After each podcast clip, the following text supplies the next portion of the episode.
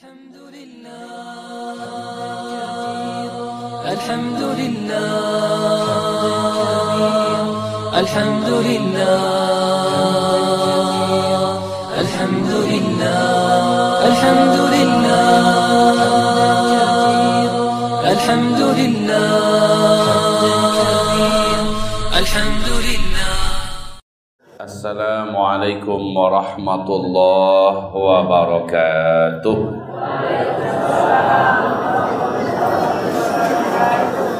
الحمد لله رب العالمين وبه نستعين على أمور الدنيا والدين. أشهد أن لا إله إلا الله وحده لا شريك له. وأشهد أن سيدنا وحبيبنا محمدا عبده ورسوله. لا نبي بعده. قال الله سبحانه وتعالى يا أيها الذين آمنوا اتقوا الله وقولوا قولا سديدا. يصلح لكم أعمالكم ويغفر لكم ذنوبكم. ومن يطع الله ورسوله فقد فاز فوزا عظيما. اللهم ارحمنا بالقرآن وصدق الله العظيم. وقال النبي صلى الله عليه وسلم ألا فإني قد جئتكم بها بيضاء نقية. ليلها kanahariha la yazighu anha ba'da dhalika ila halik. Amma ba'du. Ma'asyiral muslimin wal muslimat mu'minin hamba-hamba Allah yang semoga senantiasa dipelihara oleh Allah imannya dan dimudahkan oleh Allah urusan dan rezekinya di dunia dan akhirat. Amin ya rabbal alamin. Bapak Wali Nagari Kenagarian Suayan yang kita hormati, nenek mamak kita, saudaranya, orang tua kita, bunda kandung, Pokoknya seluruh calon-calon penghuni surga Allah yang kami cintai. Amin ya rabbal alamin. Kita bersyukur kepada Allah Subhanahu wa taala. Kita di sini sehat-sehat saja. Nenek mamak yang memuliakan, adik-adik yang bersayangi. Kini kondisi dunia di luar Indonesia loh ya, di luar Indonesia kondisi dunia seperti Singapura Singapura sudah resmi resesi. Malaysia lah mode itu pulau. Negari kayu dan hebat seperti Jepang sudah begitu pula nasibnya. Begitu juga Inggris, Jerman, Perancis, Amerika Serikat, apalagi Cina. India juga demikian. Ditambah bencana-bencana alam yang sangat mengerikan. Cina lah biasa tangah hilang. Dia kano banjir, kedalaman banjir itu sampai meter sampai 7 meter. Lah hampir masuk 3 bulan. Tidak, tidak, tidak terkira kerugian yang dialami oleh Republik Rakyat Tiongkok sekarang ini. Di berbagai negara lain, angin badai topan puting beliung menghancurkan segala-galanya. Kalau saya mau cerita panjang yang mau saya ceritakan tentang kondisi dunia. Akan tetapi, saya katakan tadi, Indonesia Alhamdulillah sampai hari ini dalam kondisi alamnya loh ya dalam kondisi baik-baik saja. Tapi konon kabarnya akan datang petaka-petaka besar dalam beberapa waktu ke depan. Semoga saja Payakumbuh, Kabupaten 50 Kota, Sumatera Barat termasuk yang tetap dijaga dan aman hendaknya. Amin. Ya Rabbal Alamin. Tapi dijamin. Walau anna ahlal qura amanu wattaqau lafatahna alaihim barakatim minas sama' minas sama'i wal ard walakin kadzabu فأخذناهم بما كانوا يكسبون اللهم ارحمنا بالقرآن kalau penduduk desa-desa penduduk negeri-negeri beriman dengan tidak syirik pada Allah mengerjakan perintah-perintah Allah dan tidak berani berbuat dosa dan maksiat kami jamin kata Allah negeri itu aman rezeki melimpah turun dari langit bumi pun kami berkahi mereka kami akan jaga. Itu janji Allah di dalam Al-Quran surat Al-A'raf ayat 96. Syaratnya jangan ada yang buat maksiat. Kalau maksiat secara pribadi itu nak dapat dakwah tu. Apa maksiat secara pribadi? Ria beramal. Itu pribadi itu nak dapat dakwah tu. Ya. Ujub, takabur, sombong itu itu dosa pribadi itu. Tapi kalau dosanya sifatnya adalah mungkarat, perjudian, perzinahan, pelecehan seksual, ya, kezaliman, mampuk, membunuh, itu jelas ini yang akan memancing berbagai macam rezeki ditahan oleh Allah turun, rahmat dicabut oleh Allah, bencana merata di mana-mana. Ah itu sepangkanya. Jaga keimanan jangan syirik, amalkan ketakwaan, ketaatan dan jangan maksiat. Kami jamin negeri itu. Orang rumahmu dari Aceh.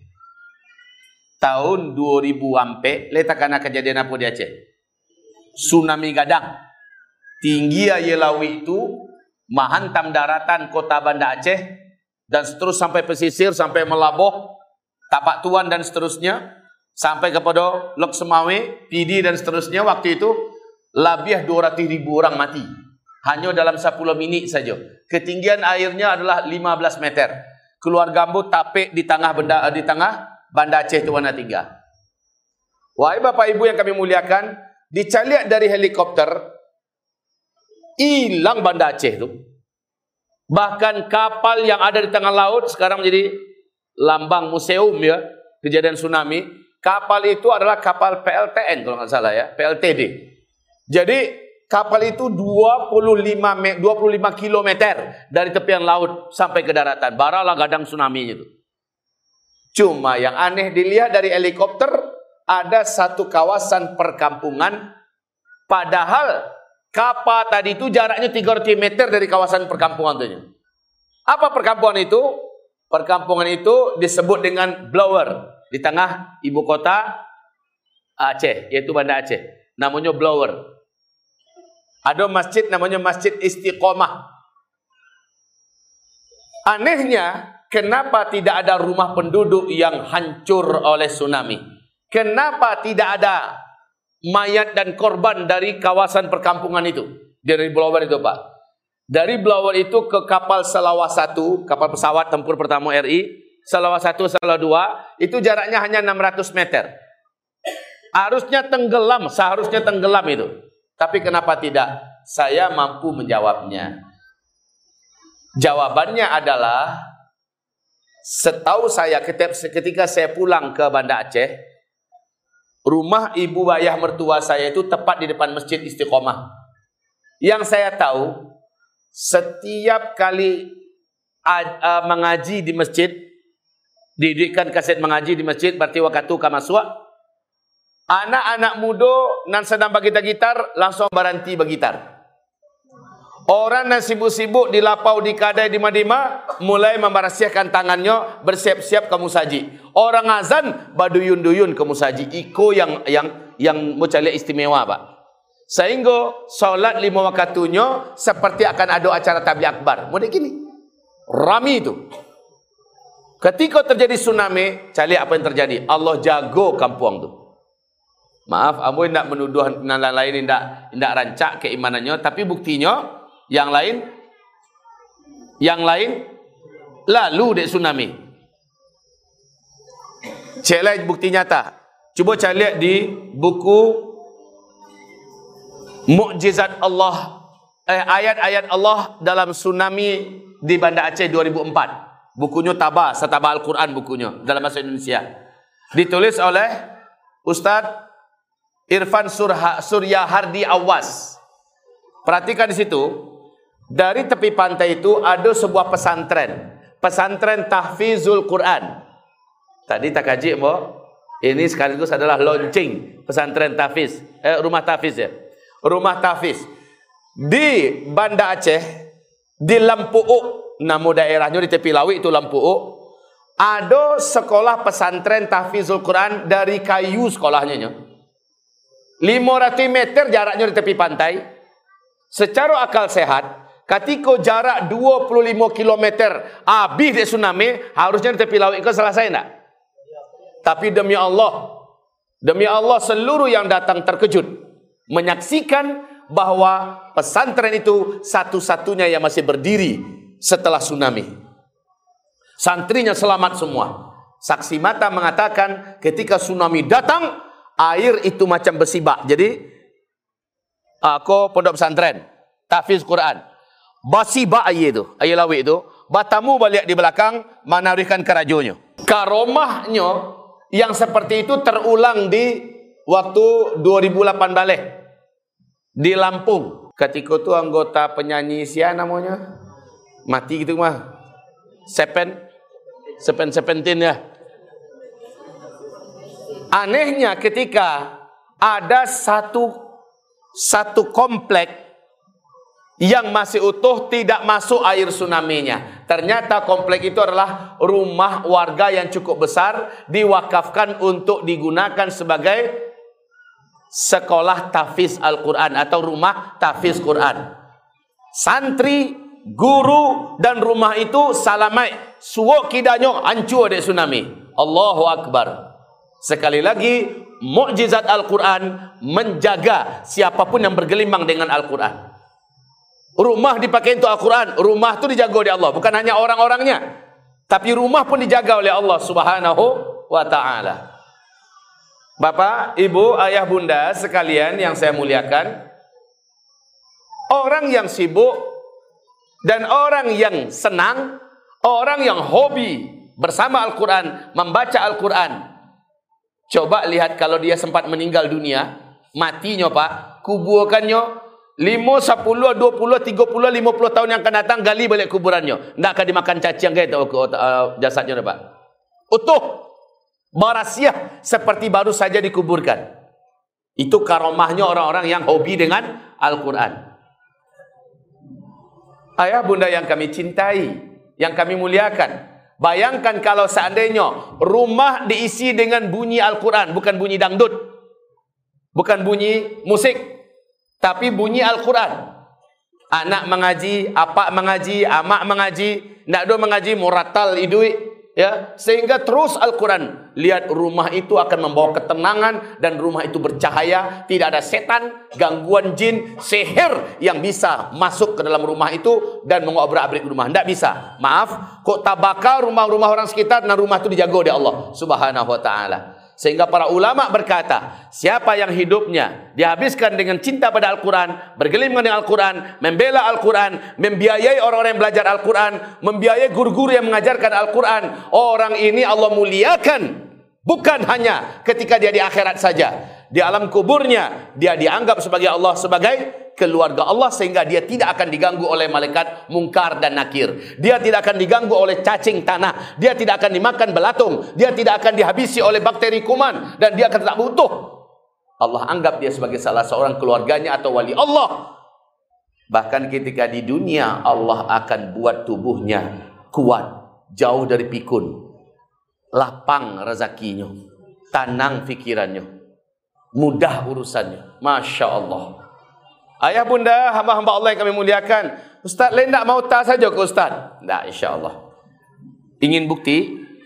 Ambo calian cik bukti? Ni apa? Baso yang ambo sampaikan niko ada dalil sekali.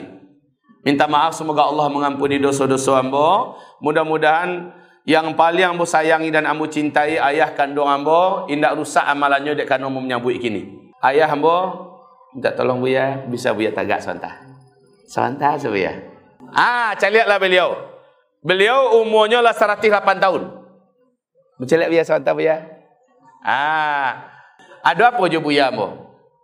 Iko minta maaf sekali lagi kepada Allah meminta ampun.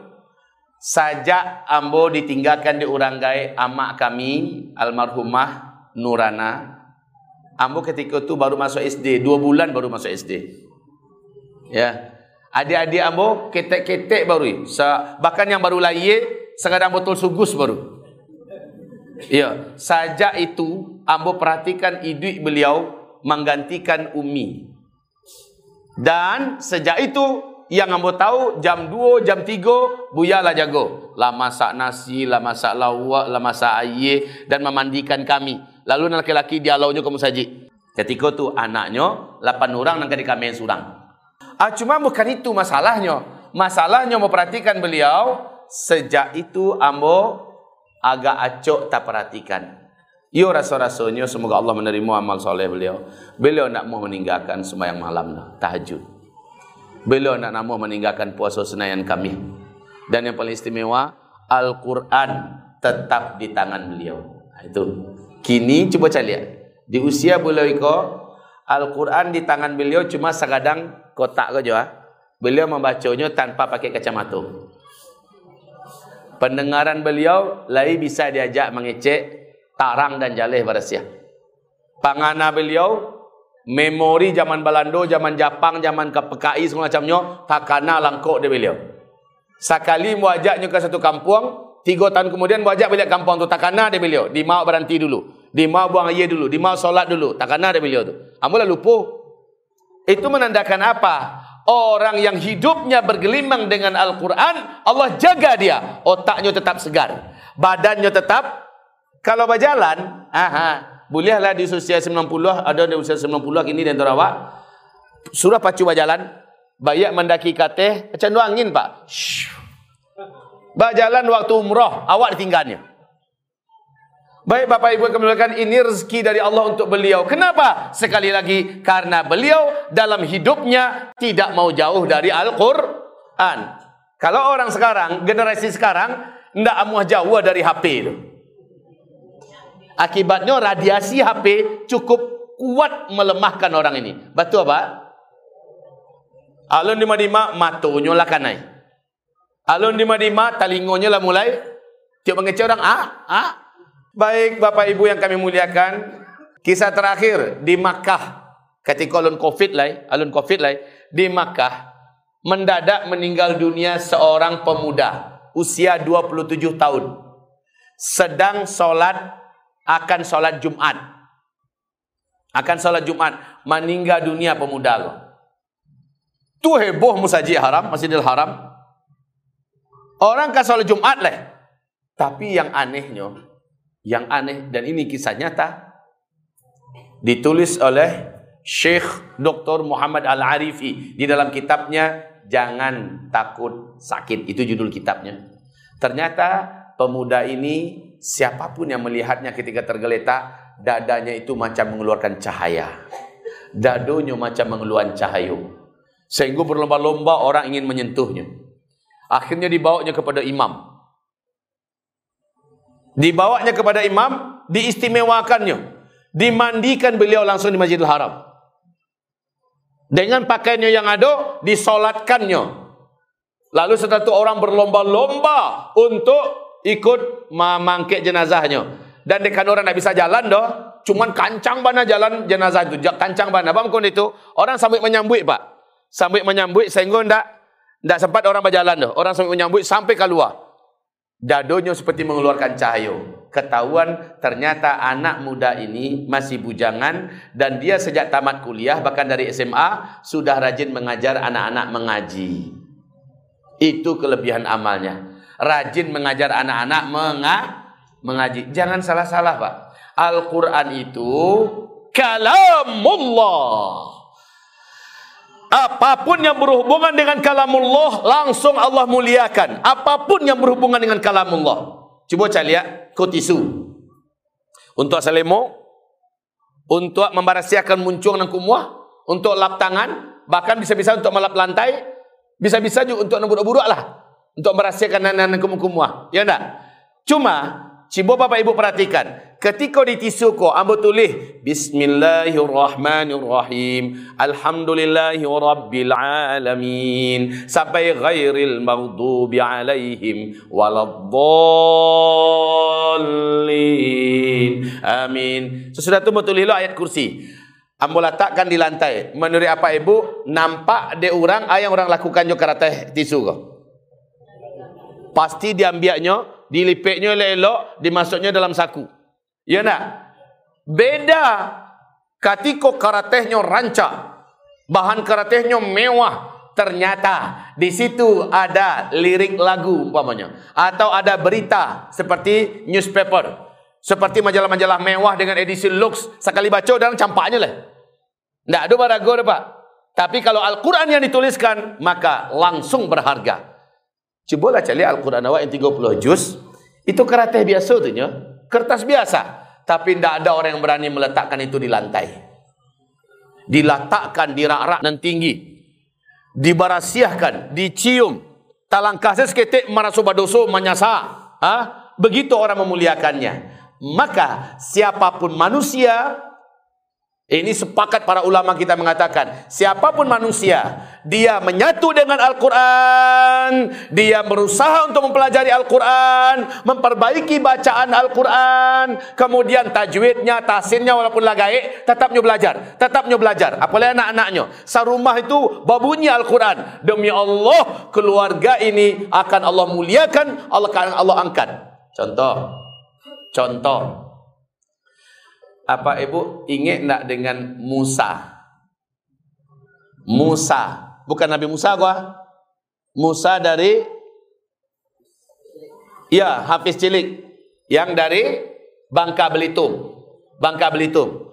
Musa orang kampung dari Bangka Belitung. Umurnya ketika itu baru lima tahun. Sampai setengah atau lima tahun lah antara itu umurnya baru. Dikirim ke Mesir bertanding lomba al lomba tahfiz Al-Quran seluruh dunia level anak-anak. Inyo yang paling ketek pak, ketek badan, ketek umur. Si Musa tadi. Tahukah Bapak Ibu?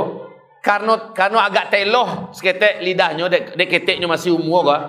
Itu saja masalahnya. Kalau indah seluruh ayat mana pun yang disuruh dia baca dengan sempurna. Tidak ada yang lupa dah. Disuruh membaca dari belakang ke, ke, ke, ke muka, bisa. Disuruh menceritakan surah Ibrahim dalam Al-Quran. Seluruh yang bercerita Nabi Ibrahim masukkan. Dari surah ke ayatnya. Dari surah ke ayatnya. Apa saja diambil sepotong kalimat saja dalam Al-Quran, surahnya memunculkan. Bisa munculkan ayat itu. Begitu barasiahnya hafalannya. Akhirnya, ayah bunda, dia mendapatkan juara tiga dunia. Lalu, apa hadiah untuk beliau. Orang tuanya dua-duanya menjadi terkenal seluruh dunia. Orang tuanya dan Musa berangkat ke tanah suci diberangkatkan oleh kerajaan Arab Saudi melalui kedutaannya di Jakarta dengan fasilitas mewah. Orang tuanya alun di akhirat le orang tuanya Orang dia orang tua, orang yang hafal Quran di akhirat dipangan dia anak tu pak. Ketika seluruh orang di akhirat telanjang bulan, ketika seluruh orang di akhirat sengsara merana, tiba-tiba anak yang hafiz Quran mencari orang tuanya duluan. Mencari orang tuanya duluan. Dan Allah permudahkan dia berjumpa dengan orang tuanya. Langsung dipakaikan jubah yang sejuk, jubah yang sangat enak, sangat muahal dan di atas kepala orang tuanya diletakkan mahkota yang bertaburkan mutiara-mutiara yang tidak ada di dunia. Seandainya satu butir mutiara itu dibawa ke dunia lalu dunia menjual segala kekayaannya untuk membeli itu takkan mampu membeli mutiara yang diletakkan bertaburan di mahkota orang tua yang anaknya menaruhkan. Anak ini siapa? Hafiz Al-Quran. Masya Allah. Ini bukan perkara kecil pak. Sementara yang anaknya jenderal dulu di dunia. Yang anaknya menteri dulu di dunia. Yang anaknya gubernur bahkan presiden. Yang anaknya pengusaha gadang. Setiap negara ada cabang perusahaannya. Di akhirat nanti malah. Al-akhillahu yawma idhim ba'duhum li ba'din adu. illal muttaqin.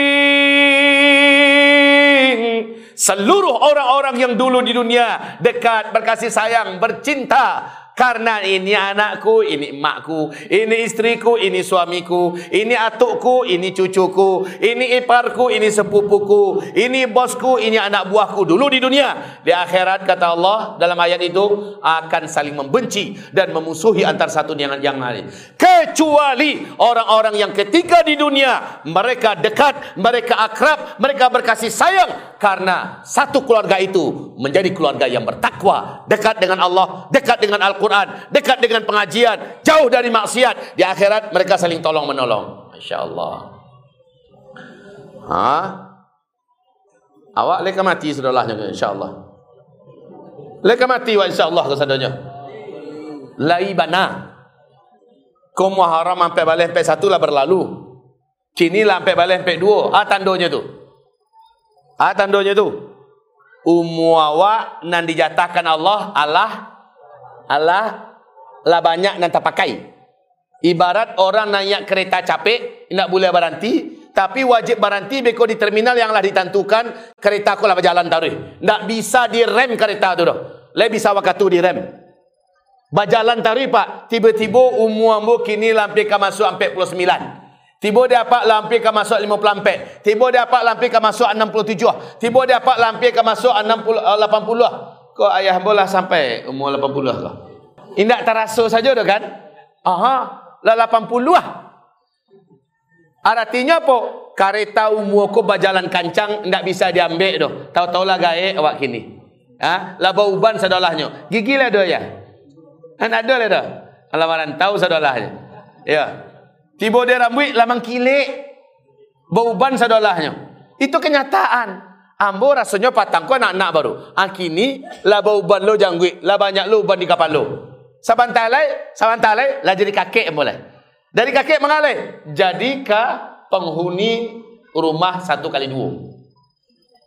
Orang musuh ambo menjadi mai. Artinya kita akan mati saudaraannya. Ketika hidup ko masih ada ujungnya yaitu mati, hidup ko sebenarnya adalah singkek. Itu kesimpulannya. Hidup ko adalah singkek. Nabi Nuh Orang yang paling panjang diagih di Allah di dunia ke umur. Nabi Nuh. Hampir seribu tahun umurnya. Tiba malaikat maut. Hai Nuh, ambo malaikat maut. Cuma para nabi dan rasul sajonyo kata Rasulullah yang menjalangnya meninggal malaikat maut magih tahu dulu ambo ko malaikat maut. Ah. Kau baca buit nyawa mulai. Iyo. Wakatulah tiba. Tapi kata Allah bapasan sampaikan ke hamba ambo, ke nabi ambo, ke rasul ambo, kalau jonio ambo tambahkan umur, baranionyo ambo agiah tambahan. Itu khusus ke nabi saja Pak. Kawan ada tu Eh malaikat mawi kalau tiba kawan salah saya langsung Pak. Nak ada negosiasi dah Pak. Oh tunggu ambo bayar hutang dulu, nak ada cerita tu dah. Ha? Ambo sebentar lagi ke haji, nak ada cerita tu dah. Kadang-kadang lah kan naik pesawat untuk berangkat haji mati di sini. Mana acuk kejadian model itu. Ya nak pak? Tak bisa ditebak dah. Umur kau berjalan, awak akan mati. Nah, sesudah kematian kau, apa yang kau diaruk lain? Ah, yang sudah kita buat ketika kita masih hidup. Dan sia yang kau bisa menolong kita. Mereka-mereka kata Allah dan Rasulnya adalah orang-orang yang di dunia adalah orang-orang yang dekat dengan Allah, akrab dengan Al-Quran, jauh dari maksiat. Mereka-mereka lah yang bisa diarukkan, mereka-mereka lah yang bisa saling tolong menolong. Baik Bapak Ibu yang kami muliakan, maksud saya begini. Kita melihat betapa misterinya.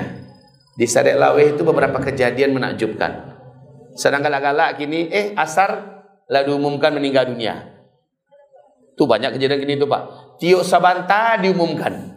Meninggal si Fulan, meninggal si Fulana, meninggal, meninggal, meninggal. Tadi baru bersobok. Tadi baru bersalaman. salaman. Akinilah tak kabar, dapat kabar, lah meninggal dunia. Yang paling ambo kagum kejadian di Padang Panjang. Ada kejadian menakjubkan Dazul. Apa tu nyambo? Di musajid Ambo, di rumah Ambo Dazul kan belakang ada musajid gadang tu katanya kan. Di masjid Ambo diumumkan di pagi hari dengan suara sangat sangat, sangat tarang pakai mic. Inna lillahi wa inna ilaihi raji'un. Inna lillahi wa inna ilaihi raji'un. Telah berpulang ke rahmatullah orang tua kita Datuk Fulan bin Fulan dalam usia sekian pagi ini baru saja diulang balik innalillah penuh semangatnya menyampaikan diimbau dan dipanggil diseru kepada seluruh kaum muslimin muslimat agar nanti pada waktu sholat zuhur kita bersama-sama ke masjid kita untuk menyolatkan almarhum dan mengantarkan beliau ke perisatan terakhirnya. Ayolah rami orang tibo. Musajidnya lebih kurang sekadang lah, lebih kurang rami orang tibo pak. Pak Muhammad musajid, rupanya tokoh masyarakat cukup dicintai di masyarakat. Pak Muhammad. Salah saya sembahyang zuhur, dibawalah keranda yang di dalamnya ada yang tadi diceritakan, diumumkan. Masuk cie, eh menyusul di belakangnya satu keranda mayat yang lain. Karena bisa bisik orang. Eh, tadi diumumkan cie kan? Iyo. Ah, yang diumumkan tu yang pertama tadi itu. Itu yang belakang kau sia, yang kedua kau sia. Nang kedua konan mengumumkan tadi. Allah. Makanya Ustaz Kamranto menyampaikan ikut kejadian yang menurut kami luar biasa. Sehat, walafiat, penuh gagah menceritakan bahasa adon meninggal. Beko kita solatkan nyo. Nyo disolatkan. Apalagi kita akhir zaman gini gua. Kata Rasulullah di akhir zaman akan sangat banyak umat ambo yang meninggalnya mendadak. Jadi ayah bunda yang mau cintai masih terkena uh, pemilik rumah makan Minang asli di Pekumbuah. Nah, beliau waktu asar pai mantakan orang ke di mengubuan orang ke Pesaru.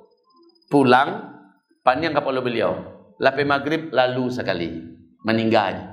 Bisa ini lo diantan orang lain. Nah ke kejadian modeko yang mana banyak Bapak Ibu. Makasih cerita muka di kamai. Maksud cerita saya adalah jangan sampai ayah, bunda, bapak, ibu semua menunggu harus tua dulu baru meninggal. Luntan tulai alun tantulai. Udah ambo udah udah kandung ambo gua. Meninggal dunia badannya tinggi gadang. Usianya 42 tahun 43 dalam usia muda meninggal. Patanggo baru. Kakakmu yang paling tua udah ambo Ajoher Zulherman yang punya toko pakaian bayi anak-anak di tengah kota Pekumbuah bismillah itu Ajoher tu udah ambo tu lalu dalam usia baru 52 tahun. Kau ke mana kan moga? Rafi, kameramen awak kini. Rafi kau ada udahnya. Setahun yang lapeh baru meninggal dunia, usianya 21 tahun. Padahal baru aja diterima kerja anak ya. Baru aja diterima kerja baru meninggal. Jadi muka siap beko. Jangan sampai kita persepsi persepsi kita adalah tunggu tua dulu baru mati. Kalau tua kali tunggu minta maaf ambo ba abu ya ambo. Labarau maunya kini. Maka kematian di akhir zaman terjadi mendadak. Hubungannya dengan pengajian kita adalah jangan sampai jangan sampai kita tidak punya pembela setelah kita meninggalkan dunia. Pembela terkuat adalah Al-Qur'an kata Rasulullah sallallahu alaihi wasallam. Baru kita dikuburkan datang malaikat mungkar dan nakir. Langsung diambil di Al-Quran. Yang kita sibuk dulu membacanya di dunia. Apa kata Al-Quran? jangan kau datangi dia dari kaki. Kakinya telah banyak berdiri di waktu tahajud untuk membaca aku dalam tahajudnya. Datang dari kanan. Al-Quran tadi mambek lo balik. Jangan dari kanan kau. Nan tangannya lacok membuka Al-Quran. Ambo yang dibuka jo, ambo yang dibacanya. Jangan dari siko. Datang dari sebelah kiri. Jangan di sebelah kiri lagi. Datang dari atas. Jangan dari atas lagi. Akhirnya mereka muka dan nakir. Pai tanpa bisa menanyukan awak nanti dalam kubur. Dan kenapa? Ada Al-Quran yang menjadi pelindung awak di dalam kubur. Kalau itu bah, ditugaskan di Allah. Ambil orang tu dan dalam kubur kini. Letakkannya di taman taman sarugo sampai menunggu kiamat. Ikut letaknya orang-orang yang dulu di dunia. Ahli Quran. Ahli HP di matanya nanti. Tiuk sebentar api. Tinggal api paniang kapalo. Jauh dari api bacari. Sementara jauh di Al-Quran. Al-Quran mungkin sekali setahun saya dibuka aja ketika Ramadan. Ketika acara yasinan. Ketika ada acara orang meninggal. Wahai ayah bunda yang kami muliakan, di sini dimulai dibuka berapa orang muridnya tadi? 24 orang rumah Al-Qur'an Siapa yang punya rumah Al-Quran ini? Siapa yang punya? Siapa yang punya? Orang-orang yang melibatkan rumahnya untuk dijadikan sebagai tempat belajar Al-Quran. Atau yang melibatkan gedungnya, yang melibatkan kantornya, yang melibatkan perusahaannya, atau suraunya, masjidnya sebagai tempat belajar Al-Quran. Wallahi billahi tallahi Allah subhanahu wa ta'ala akan menjadikan orang-orang ini termasuk sebagai ahli Al-Quran. Walaupun dia mungkin tidak serajin guru yang mengajarkan Al-Quran. Walaupun dia tidak hafiz Al-Quran. Tapi wak buat silakan. Silakan pakai rumah ambo. Silakan pakai kantu ambo. Silakan pakai aula ambo. Silakan pakai musola ambo. Silakan pakai gedung ambo. Pakailah. Ambo wakafkan penggunaannya untuk Al-Quran. Orang ini dianggap sebagai ahli Al-Quran. Masya Allah. Ustaz, awak yang tak berumah dah. Tapi ambo yo satu Ustaz. Biaya listrik selama beraja tua Salam tak pakai tapi itu listriknya ambu nama nangguang ustaz. Yang lain ambu biaya airnya ustaz. Yang lain ambu biaya guru-guru yang maja ustaz. Bila mengatakan tadi karena sedikit baru guru tenaga pengajar, bukan ada anak maja, tapi biasanya rumah Al-Qur'an langka menemukan biaya untuk menggaji guru yang mengajar Al-Qur'an. Tapi kan umumnya memang model itu. Padahal mereka jauh lebih mulia di mata Allah daripada gubernur. Jauh lebih mulia di mata Allah daripada menteri. Bahkan lebih mulia di mata Allah daripada presiden guru-guru Al-Quran. Sebab apa? Mereka wali-wali Allah. Dan mereka maja anak awak. Carilah guru Ustaz. Ambo yang menangguang guru itu sebulan. Berapa gajinya Ustaz? Dek, kerana memang banyaknya kamaja. Mungkin awak wak, wak beri gaji guru kita ko 750 satu juta satu bulan. Sebenarnya minta maaf Bapak Ibu.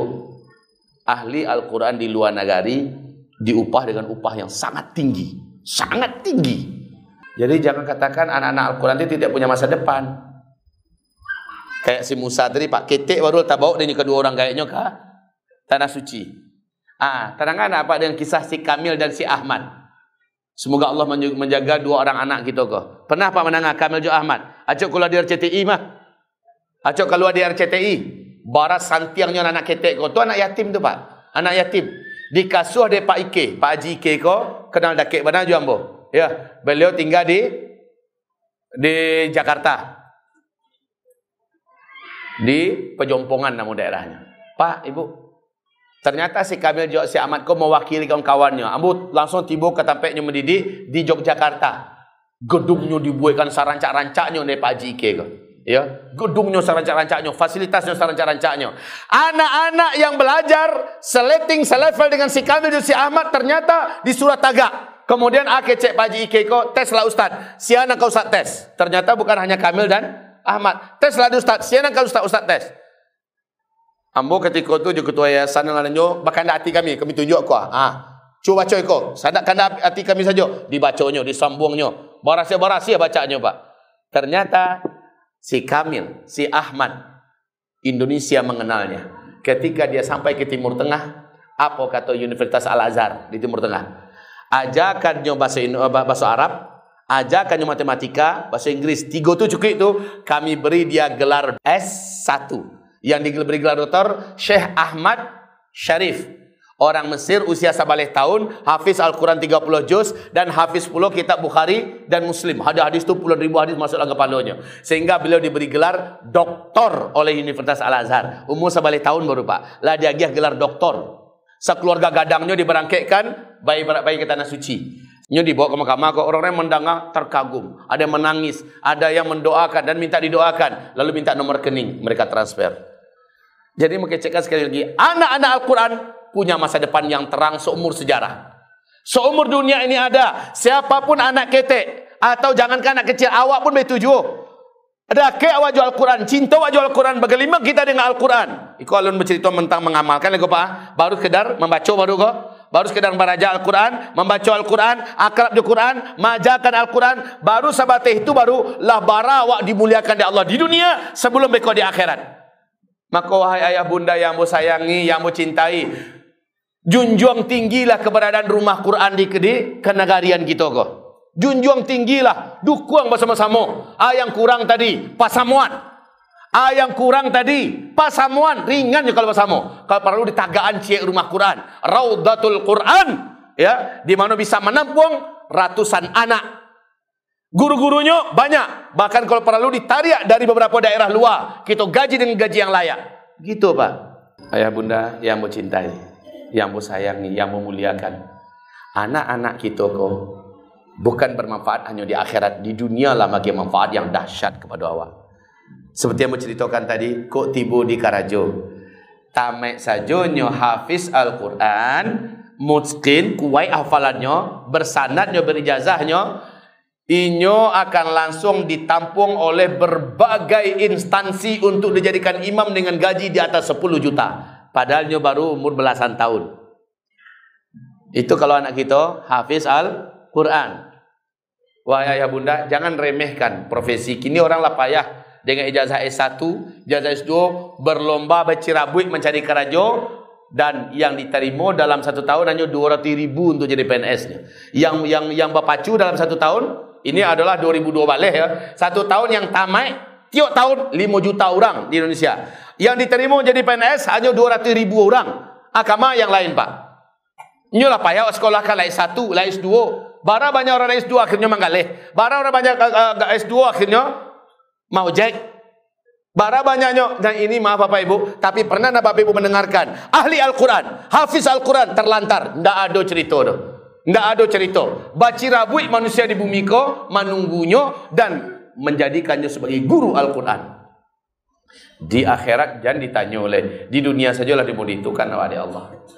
Jadi kajian nama kini pada hakikatnya adalah membakar semangat ayah bunda, ibu bapa dan diri kita walaupunlah tua-tua gua cibolah marapek jo Al-Quran. Walaupun sekadar membaca saya dulu jadilah. Peloi balik baca nawak. Jangan marah solat cukup baca nawak kau indah peloi balik. Pernah nak sampai kini mau berhenti belajar Quran? Tak pernah. Ambo tetap belajar.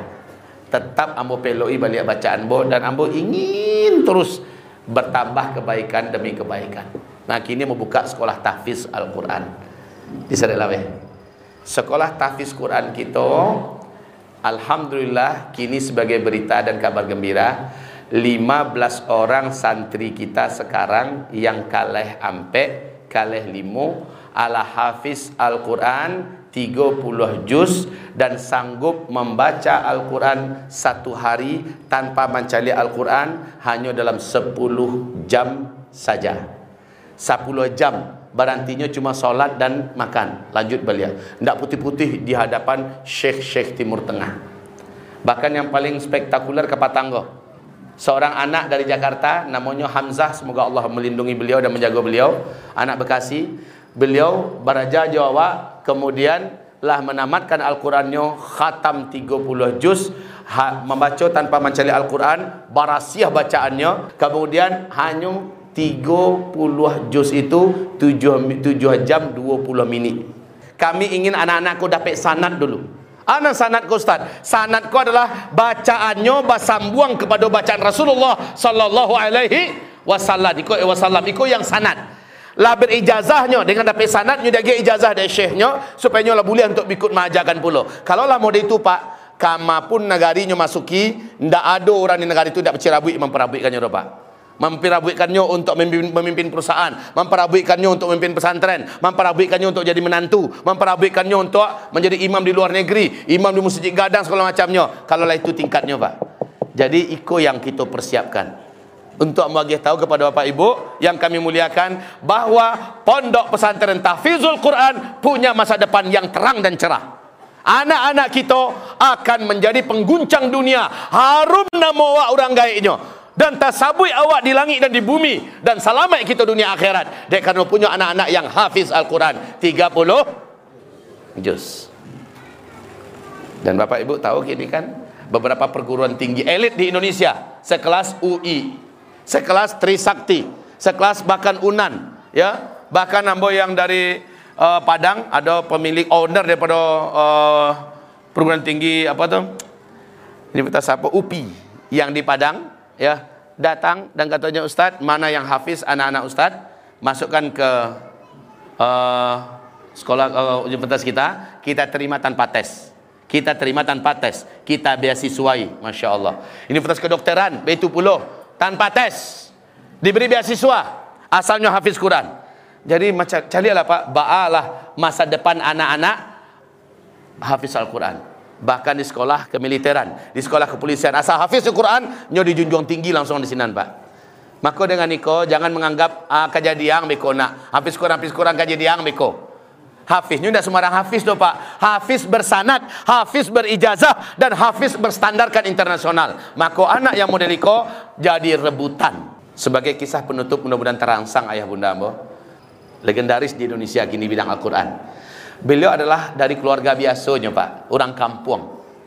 Beliau adalah pendiri ma'had terkenal di tingkat Indonesia dan bahkan tingkat dunia. Ini semoga Allah memuliakannya, semoga Allah menjaga beliau muda orangnya masih. Tameknya pak dari pesantrennya. Painya ke luar negeri menyambung menjadi hafiz Quran.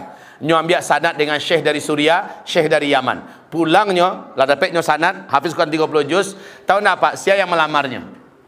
Yang melamarnya adalah dokter ahli bedah tulang terkenal di Asia Tenggara. Suami istri sepasang suami istri dokter ahli spesialis bedah tulang se Asia Tenggara. Ayah bunda dilamarlah untuk sia untuk anak gadisnya untuk menjadi minantunya ah kata ustaz ko ambo ndak ada minat untuk jadi PNS doh. Ambo jangan diarokkan untuk ka mengajar dunia. Ambo yang jadi guru ngajinya. Ah kata dokter tunjung ko kata beliau justru yang ambo nio adalah anak soleh hafiz Al-Quran untuk menjadi minantu ambo Ah kata Ustaz Syihab, ambo yo ingin sibuk di pesantren saja beko. Ambo tagakkan pesantren. Ustaz kelolalah pesantren itu. Bawa dek mau dema Ustaz perlu pesantrennya kita buat. Kini pesantrennya pesantren paling hebat di Indonesia, Pak. Mewah pembangunannya, gedungnya, bahkan syekh-syekh dari Timur Tengah banyak berdatangan yang maja juga banyak di situ, masya Allah lah. Kemudian, ah kata beliau cek lain, ambo kalau seandainya baru orang rumah, ambo tidak ingin orang rumah bekerja. Anak Pak Dokter kan lah sekolah di kedokteran tamaknya kalau jadi dokter tu. Kalau ambo yang ingin orang rumah ambo ke mahkamah tu. Apa apa kecek dokter tu? Ambo jadikannya milik ustaz. Kau ustaz izinkannya ke rajo, tidak usah izinkannya ke rajo. Pokoknya ustaz mau menikah dengan anak gadis ambo. Kirunya anak gadisnya pak cadia, cerdas, pintar, soleha. Allah kayu rayo, dokter pulau lain. Cerdas, solehah, pintar, bijaksana, kama akan dicari itu pak. Awak orang kampungnya. Siapa tadi nama ustaz tu? Kini Pak tanyakan siapa Ustaz Syihabuddin itu di, di, di Arab Saudi. Tanyakan siapa Ustaz Syihabuddin itu di Turki. Siapa Ustaz itu di Yaman. Tanyakan siapa Ustaz kenal orang-orang Timur Tengah. Nyemudo baru Pak. Ketik pada umurnya baru. Pada umur ambo baru. Ikut contoh. Dan kini beliau lah membuat cabang di Madinah. Kini boleh hati ambo mengerami pesantren kerajaan ambo kini. Memang kiai itu harus mengerami pesantren. Pak. Harus mengerami pesantren. Jadi pesantren itu. Pak. Tapi kalau malah tahu saja, Awak terkenal di luar, tapi di dalam mampu.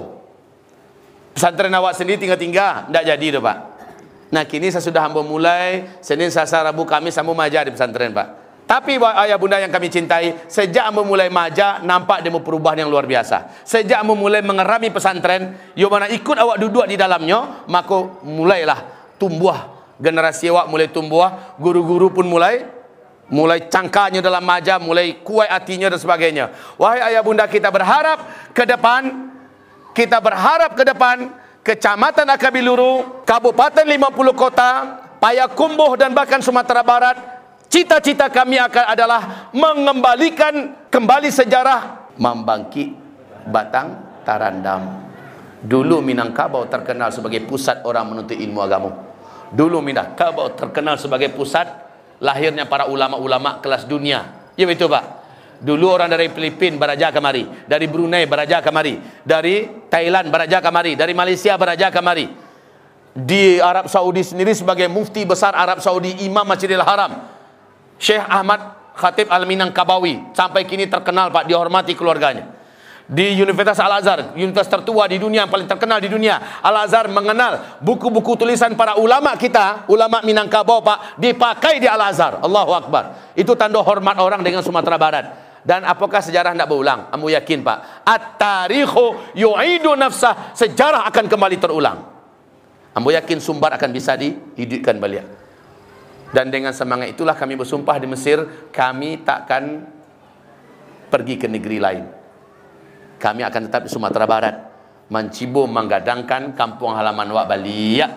Baka tu Buya Hamka dalam bukunya ayahku. Buya Hamka, letakkan kita, Pak. Orang ulama kita kuah. Apa kata Buya Hamka? Sangat disayangkan ayahku. Maksudnya inyak Rasul kah? Haji Abdul Malik Karim Amrullah ya. Ayahku hanya tinggal di Sumbar. Kalaulah dia keluar dari Sumbar, dunia akan kenal dengan inyak Rasul karena luasnya ilmu beliau. Kalau Bapak Ibu mau tahu, ulama-ulama kita yang hebat-hebat di luar Sumbarku sangat banyak apa. Tapi bara yang mau pulangnya ke kampung halaman. Termasuk Buya Gus Rizal, ketua MUI Sumbar. Cari lihat Pak, ba'a kualitas beliau tu. Masya Allah kan?